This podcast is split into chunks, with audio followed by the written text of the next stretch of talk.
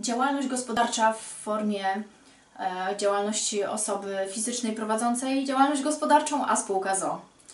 E, jakie są zalety, jakie wady, jakie są różnice? Oczywiście podstawowe różnice są e, takie, że spółkę ZO Spółka ZO figuruje w Krajowym Rejestrze Sądowym. Forma, forma umowy spółki ZO to forma aktu notarialnego. Z kolei przy rejestrowaniu działalności gospodarczej dokonujemy zgłoszenia e, w rejestrze e, podmiotów gospodarczych, w Centralnym Rejestrze Ewidencji Działalności Gospodarczej. Oczywiście musimy mieć na względzie to, że prowadząc działalność gospodarczą jako osoba fizyczna, odpowiadamy całym swoim majątkiem. Jeżeli pozostajemy w związku małżeńskim, to również ma to wpływ na sytuację finansową naszego małżonka. Jeżeli natomiast prowadzimy działalność gospodarczą w formie spółki ZO, e, to oczywiście ta odpowiedzialność za zobowiązania, za zobowiązania tego przedsiębiorstwa, które e, cały czas funkcjonuje, jest ograniczona bo e, wierzyciel może dochodzić e, swojego, swoich wierzytelności wyłącznie z majątku spółki ZO.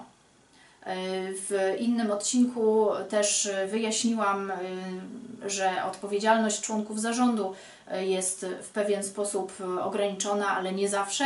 Natomiast tutaj dzisiaj skupiamy się wyłącznie na tym porównaniu tych działal- działalności gospodarczej i em, prowadzeniu działalności w formie spółki ZO. Kwestia opodatkowania. E, czyli mamy e, spółkę. Spółka ZO jest em, opodatkowana podwójnie, mianowicie jest opodatkowana podatkiem dochodowym od osób prawnych oraz my, jako wspólnicy, e, oczywiście podlegamy opodatkowaniu podatkiem dochodowym od osób fizycznych. Z kolei przy prowadzeniu działalności gospodarczej e, mamy tylko ten jeden podatek. Mamy podatek e, albo liniowy, albo decydujemy się na em, inną formę in, skalę opodatkowania, czy na inną w ogóle formę opodatkowania. Mamy też e, różnicę pomiędzy, czyli mamy różnicę tak, w kwestii sposobu założenia tej działalności czy spółki i rejestracji i też kwestia opłat. Opłaty przy założeniu na przykład, opłaty przy założeniu spółki e, ZO to jest, e, można liczyć w granicach około 2000 zł, dlatego że musimy liczyć e, koszty aktu notarialnego, musimy liczyć e, koszty związane z, ze zgłoszeniem, zgłoszeniem wniosków do Krajowego Rejestru Sądowego. Oczywiście musimy też pamiętać, że też istnieje możliwość zawierania tej umowy spółki w formie teleinformatycznego systemu em, w, w spółki elektroniczne. I teraz, jeśli chodzi o, y, o działalność gospodarczą, to oczywiście jest to niezwykle prosta y, forma, która no, no, niemalże jest bezkosztową y, formą. Zgłoszenie też nie, nie, podlega wysokiej opłacie.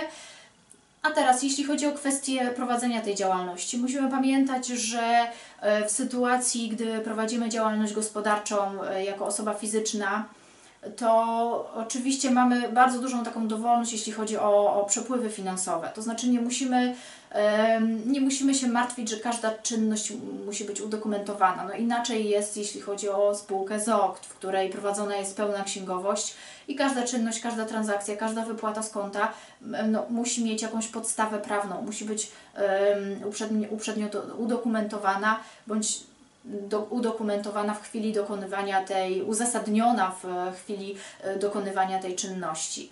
E, Jeśli chodzi o kwestię odpowiedzialności, to tak jak powiedziałam, e, jeżeli jesteśmy wspólnikiem spółki ZO i nie, nie, nie jesteśmy w zarządzie tej spółki, no to w zasadzie nie ponosimy żadnej odpowiedzialności finansowej, jeśli chodzi o zobowiązania e, wierzycieli wobec spółki. Jeśli natomiast prowadzimy działalność gospodarczą, no to odpowiadamy oczywiście całym swoim majątkiem za zobowiązania powstałe w związku z prowadzeniem tej działalności. E, Mamy też doskonałą możliwość e, założenia na przykład spółki e, komandytowej, jeżeli ta spółka ZO, którą już założyliśmy, rozwinie się w korzystny sposób, w taki sposób, który generuje wysokie zyski. I chcemy jakoś e, jednak zmienić, e, zmienić profil działalności w, i, i, i kwestie związane z podatkami, e, to możemy na przykład ustanowić tą spółkę ZO kom- komplementariuszem spółki komandytowej i być na przykład komandytariuszem tej spółki a więc też wspólnikiem spółki komandytowej. Jeżeli mamy do czynienia z działalnością gospodarczą, no to już nie możemy czegoś takiego zrobić, nie możemy, to powiem, być wspólnikiem e, spółki komandytowej. Oczywiście możemy założyć sobie spółkę cywilną z innym podmiotem, również e, zarejestrowanym w ewidencji działalności gospodarczej.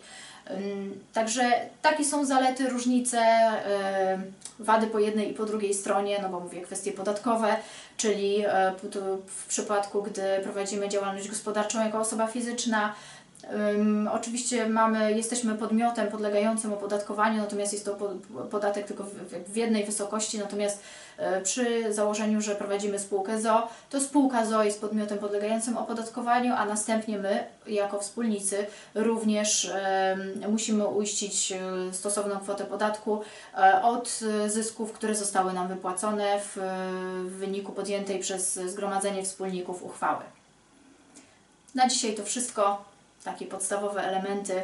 e, Mam nadzieję, że łatwe do zapamiętania. Małgorzata Krzyżowska, Aliant Krzyżowska.